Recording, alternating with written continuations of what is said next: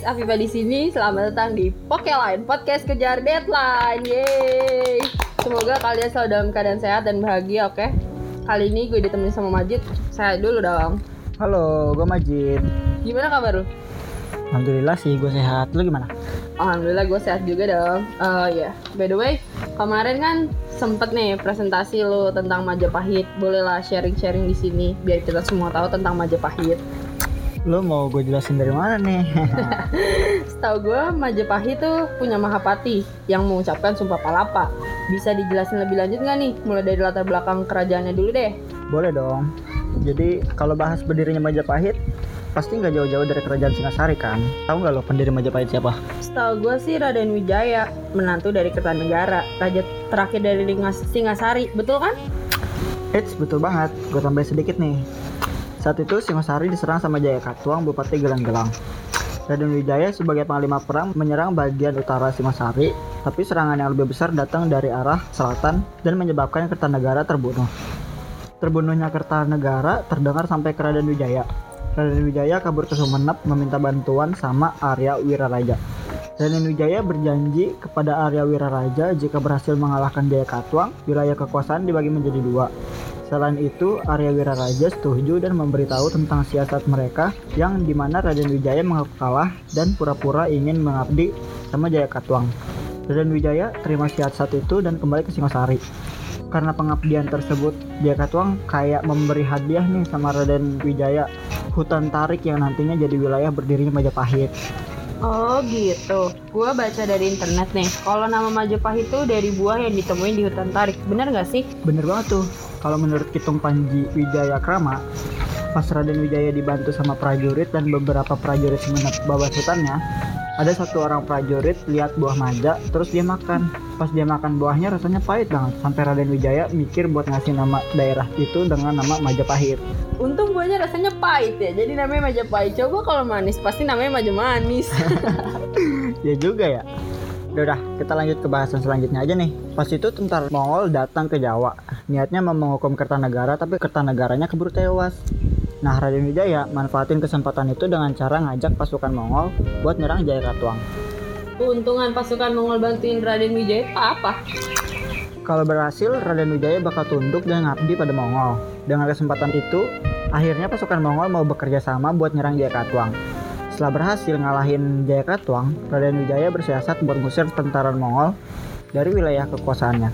Pas tentara Mongol lagi pesta kemenangan mereka, pasukan Raden Wijaya langsung nyerang pasukan Mongol. Akhirnya serangan dadakan itu berhasil deh buat tentara Mongol pergi dari Jawa. Oh, berarti pas itu kita eh, jangan sepenuhnya percaya sama orang ya. Soalnya kan orang-orang pada masa itu juga lebih mentingin kekuasaan.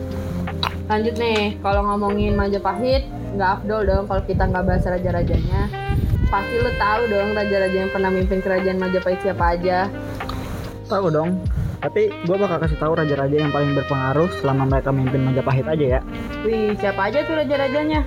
Kalau menurut gue pertama pendirinya sendiri Raden Wijaya, kedua Jaya Negara, ketiga Tribuana Tunggadewi, sama yang terakhir Hayam Wuruk. Kenapa lo milih mereka? Karena yang pertama Raden Wijaya, yang kayak gue bilang di awal, dia tuh pendiri Majapahit sekaligus raja pertama Majapahit. Terus Raden Wijaya nikah nih sama putri dari Melayu namanya Dara Petak, yang nantinya bakal ngelahirin Jaya Negara.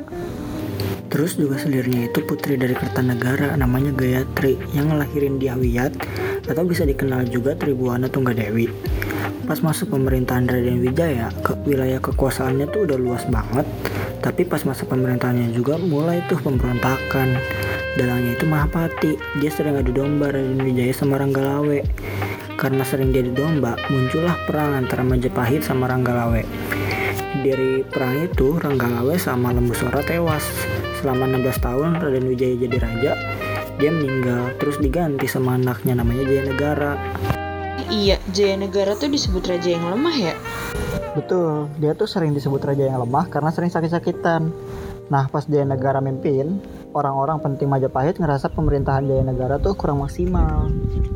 Pas Jaya Negara mimpin ada konspirasi nggak sih yang katanya Gajah Mada kerja sama sama tabib namanya Tanca buat ngebunuh si Jaya Negara. Terus pas Jaya Negara lagi sakit, si Tanca ini ngasih racun ke ramuan yang dia bikin buat nyembuhin Jaya Negara. Abis bunuh Jaya Negara, Gajah Mada langsung bunuh si Tanca, biar si Tanca ini gak ngebocorin kalau Gajah Mada juga ikut campur ngebunuh Jaya Negara. Betul gak sih? Ya betul betul. Lanjut nih ya. Lo tau nggak raja ketiga siapa? Tahu dong, bukan raja tapi ratu. Namanya Tribuana Tunggadewi, anak dari Gayatri. Tribuana Tunggadewi ini raja perempuan pertama dalam silsilah raja. Semasa pemerintahannya, wilayah kekuasaan Majapahit semakin luas. Selain itu, ada satu peristiwa yang di mana Gajah Mada mengucap sumpah. Kalau yang kita kenal tuh Sumpah Palapa. Maksud dari sumpah itu, Gajah Mada bertekad mempersatukan Nusantara di bawah Majapahit. Dari sumpah itu, Gajah Mada jadi tangan kanannya sang ratu hingga ke anaknya nanti Hayam Wuruk. Saat Gayatri meninggal, Tribuana Tunggadewi mutusin buat turun tahta dan jadi penasihat raja. Habis Tribuana Tunggadewi lengser, posisi raja ditempati oleh putranya Hayam Wuruk.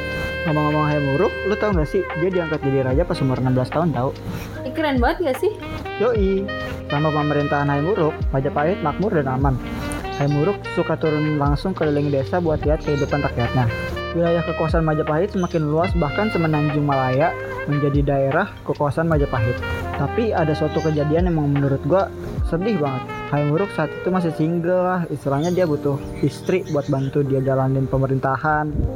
Pencarian istri untuk Hayam Wuruk tersebar. Para raja-raja mengirim sketsa putri mereka ke hadapan Hayam Wuruk. Hayam Wuruk tertarik sama sketsa wajah Dia Pitaloka atau putri dari kerajaan Sunda. Gajah Mada memberi saran ke Hayam Wuruk kalau pernikahannya bisa digunakan buat naklukin kerajaan Sunda, tapi Hayam Wuruk nolak. Tunggu tunggu, lu kan tadi bilang nih pernikahannya bisa naklukin kerajaan Sunda. Kenapa bisa gitu? Balik lagi sama sumpah palapa yang diucapin Gajah Mada, dia kan mau naklukin semua Nusantara di bawah Majapahit, sama kayak kerajaan Sunda.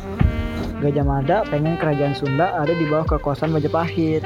Oh gitu, gua baca juga nih di internet pernikahannya itu gagal bahkan sampai perang. Kok bisa? Jadi pernikahannya tuh di Majapahit.